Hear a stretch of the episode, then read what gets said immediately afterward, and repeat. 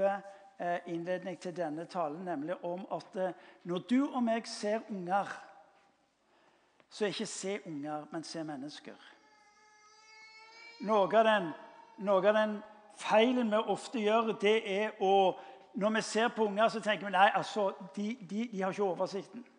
Vi sier jo av og til at av fulle folk unger, så hører du sannheten.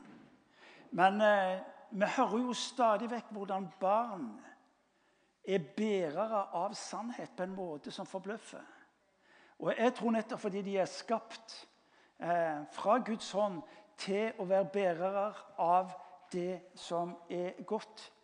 Vi har nettopp sett dåp, og kanskje så du eh, bare noe vann. Kanskje er du fremmed med dåp, kanskje er du fremmed for denne form for dåp. Eh, du har hørt noen viktige ord. For mange så er altså dåp en navnefest. Eh, dere hørte meg spørre hva heter barnet. Dåp er ingen navnefest, selv om navnet er kobla til dåpen. Dåp vil Kirka si på den ene sida er altså eh, veien inn i kirka. Men hør nå, få tak i dette, for hvis ikke så er det mange som bommer. Dåp er noe langt mer enn veien inn i kirka. Det å redusere betydningen betydning dramatisk. Dåp er å bli et Guds barn.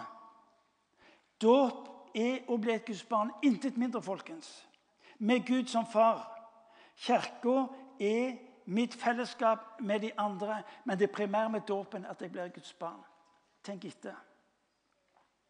Tenk etter. Du ser det ubetydelige, du ser det hjelpeløse, du ser elementer, og du tenker hva har dette med Gud å gjøre? Og så sier Guds ord til oss om at, og som du hørte, gå ut og gjør alle folkeslag idet dere døper dem til Faderens, Sønnens og Den hellige ånds navn. Det var det vi gjorde her oppe, og som du så. Og det er det som har skjedd med ditt liv òg. Når du blir døpt, er det noe mer enn at du får et navn, at du får et navn i ei kirkebok. Å bli døpt er å bli Guds barn. Husker du hva vi sa i liturgien? Jesus sa eh, la oss Eh, Jesus sier, 'La de små barna komme til meg, og hindre de ikke'. I vår liturgi søker vi å ta på alvor hva Guds ord sier om barnet. Dåpen sier oss fire ting, og vil du skal få tak i dem. Dåp er ikke primært det du og meg gjør i dåpen. Hvis dåpen er ei greie som vi mennesker gjør for å gi det en viss ramme, så bommer vi noe aldeles ravlig. Dåp er å bli tatt imot, folkens. Dåp er å bli tatt imot av den allmektige Gud. Wow! Tenk etter. Det er ikke en eller annen liturg eller en eller annen som øser enten noe vann over, eller du tar dem under vannet. Dåp er å bli tatt imot av Gud, allmaktens Gud. Time out allmaktens Gud. Han som sier om seg sjøl det du ser rundt deg, er det meg som har skapt. Det som du ser rundt deg, er det meg som eh, opprettholder. Jeg som gir liv der det var død. Jeg som skaper lys der det var mørke. Jeg er den som tar imot deg i dåpen. Folkens, dåp er noe langt mer enn det du og vi klarer å snekre. Vi har nettopp feiret påske og blitt minnet om Guds grenseløse kjærlighet. Nettopp i dåpen synliggjøres denne nåde og kjærlighet. Kjærlighet uansett rase, uansett familie, uansett årsaken til at du kom inn i denne verden, eller hvilken tilstand du befinner deg i. Det er ikke noe krav ved dåpskaret om CV. Dåp er å bli tatt imot. Han spør ikke etter hva du har i bagasjen. Han spør ikke etter familietreet. Han sier, 'Kom til meg. La meg få lov til å ta imot deg.' Der vi stiller krav om forstand, der vi stiller krav om modenhet, bevissthet, så lyder ordene fra Jesus, som vi leste fra Markus evangeliet kapittel 10.: La de små barn komme til meg, og hindre det ikke. Gjennom profeten i Det gamle testamentet så hører vi La meg få dra omsorg for mine barn, for mine henders verk. Vi sier, fordi vi vet etter forskning, at mennesket formes grunnleggende i de tre første årene av livet. Tenk så fantastisk å skulle få lov til å se barnet bli tatt inn i gudsrelasjonen. Ikke når det engang blir forma, ikke engang når livet har fått lov til å gjort så mye med dem. At det var vanskelig for Gud å få lov til å berøre livene deres. Så starta når de er små, som de minste.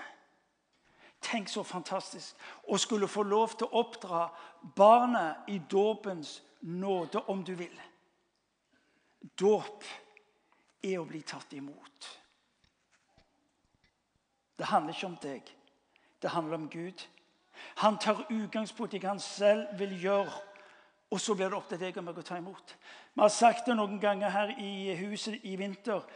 At han våger. Hvis det var mening i regnestykkene hans, så hadde han sagt ok, jeg rekker deg nåde og frelse, og så bestemmer du deg for å velge meg, og så går det i hop. Greia er at Når Gud handler inn i denne verden, så handler han uten å forvente å få noe tilbake. Det er ikke noe sånn en string attached. Det er ikke noe sånn en OK, men hva, hva er bak her? Når Gud elsker, så elsker han fordi han elsker. Uansett hva du gjør. Om du gir blaffen i det, eller om du omfavner det. Om du tenker du er kvalifisert for det, eller du definerer deg som diskvalifisert. Han opererer ikke med de regnestykkene. Den som tas inn i dåpens nåde, folkens, den tas inn fordi Gud elsker. Ikke fordi den er fortjent, enten den er barn eller som voksen. Det er noe av det som er Gud som fascinerer meg og forundrer meg, og som til tider gjør at jeg ikke får tingene til å gå i hop. Men dåp er å bli tatt imot. Hva vil det si å bli en kristen? Det lar Gud få lov til å være Gud i livet ditt.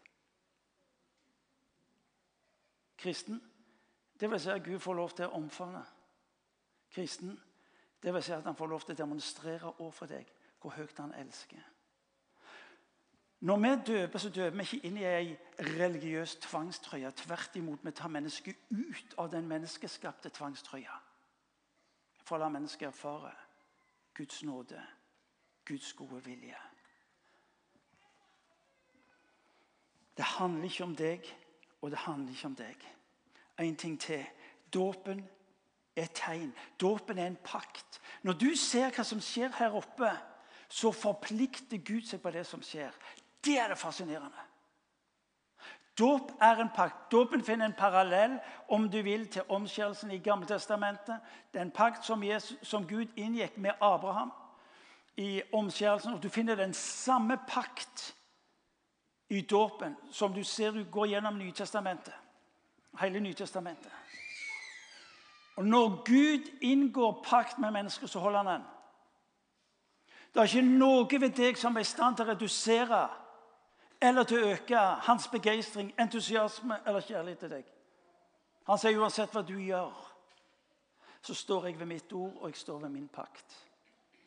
Den guden, den guden tilber jeg. Den guden jeg begeistra for.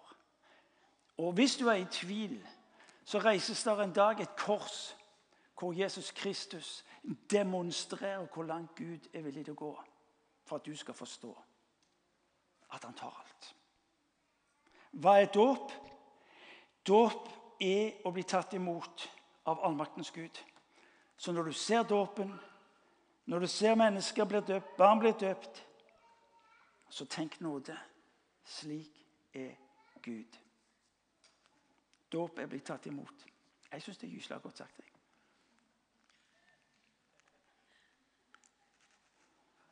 Men dåp er også å ta imot. Det er ikke slik at du passivt ligger der og så er det noe som skjer. Ja, en stund er det sånn. Altså For oss som har hatt unger de var, altså Våre to jenter de, de gikk jo ikke før de var halvannet, minst. Og så snakket de jo heller ikke før det var gått nesten to år. Men så begynte de, og siden har det ikke tatt slutt.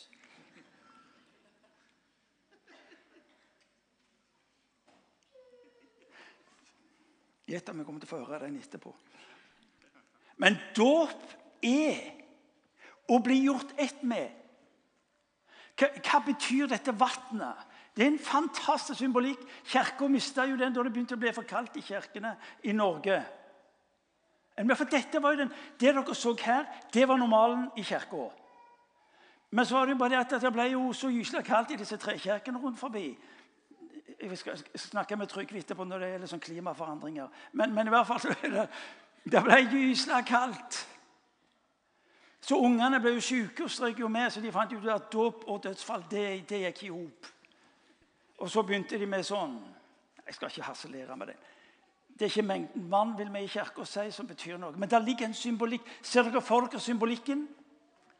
Underste Bibelen sier i Romerbrevet kapittel 6 altså begravet med Kristus. Altså Dåpen symboliserer under vannet begravelse. Og så oppreist med Kristus. Der ligger en symbolikk av å bli delaktig i et liv som han er, skal du og meg få lov til å være i denne verden. Begravet med Kristus, oppreist med Kristus.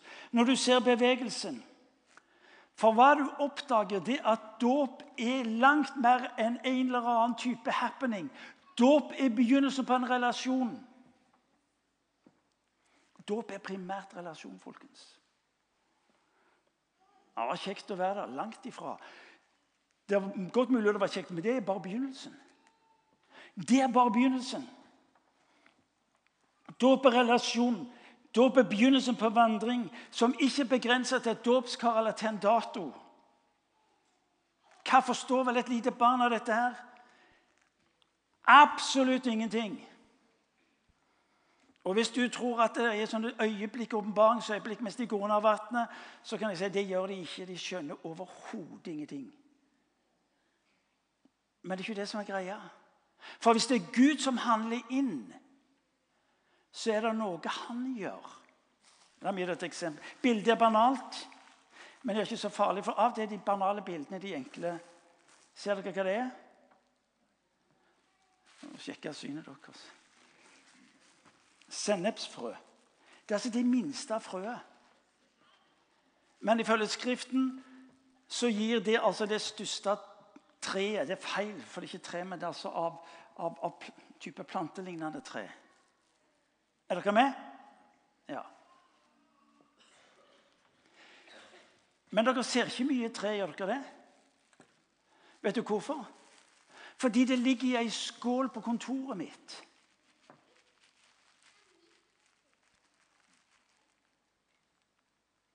Er dere, er med? En annen interessant ting er jo Ser du frøet? Eller ser du treet? Det er jo også litt sånn type Har du lagt merke til det? Altså, Vi oppdager altfor lett frø istedenfor treet. Skogen. Fabrikken. Papir, møbler. Hva er det du ser? Ser du frø? Det lille, ubetydelige. Ja, men barnet skjønner jo ikke mye av dette her. Det er ikke poenget. I dåpen legger Gud ned i barnet sitt liv. Frø? Ja, det er frø. Ja, men det er så lite, det skjønner jo ingenting. Og så er vi opptatt med å forklare og bortforklare alt det som skjer når Gud holder på. Faddere og foreldre, bare for å minne dere på hva dere har sagt ja til. Det står her at dere skal Eh, være vitner om at de er døpt til Faderen og Sønnen og Den hellige ånds navn. Det kan forresten alle dere som er foreldre, gjøre. Det er bare en påminnelse. Sammen med denne menighet og hele vår kirke får dere del i et hellig ansvar og be for dem, hjelpe dem til selv å be og bruke Guds ord og Herrens nattverd, slik at de kan vokse og utrustes til troens liv og bli bevisste etterfølgere av Jesus Kristus. Det dere ser der, er omtrentlig det som dere ser i posen min. Frø. Guds frø. Guds rikets frø. Det liv han legger ned i Ja, det virker så ubetydelig da. Og hva kan det bli av dette her? Jo, vet du hva det kan bli av det? Paulus sier et sted at eh, jeg vanner, og en annen han gjødsler. Han planter, står der. Men jeg sniker litt grann til der. Hvordan skal vi få se dette frøet til å vokse? Jo, ved å vanne det. Ved å gjødsle det. Gi det gode vekstvilkår. Det er altfor mange mennesker som sier jeg har prøvd etter kristelige greiene, men det ble aldri noe ut av det. Vet du hvorfor? Fordi du enten plasserte det i ei skål eller i en pose, eller du stua det vekk. Og så forblei det å være et frø. Så forblei det å være et frø. Får du tak i hva jeg sier? Nikk hvis, du, hvis det gir mening. Dere som ikke nikker, er dere helt blåste. Det var bare et spørsmål. Det var ingen antydning. Jeg har en boks hjemme. Hver gang jeg kommer inn i, i skapet i kjelleren, der står det en boks med plenfrø. Og vet du hva jeg syns er fornøyelig? Det er ikke antydning til grønt. Ikke antydning til grønt.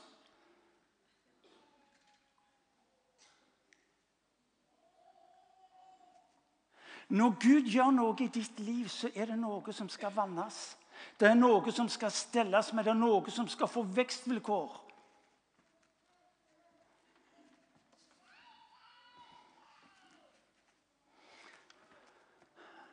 Ja, jeg kan fortelle den.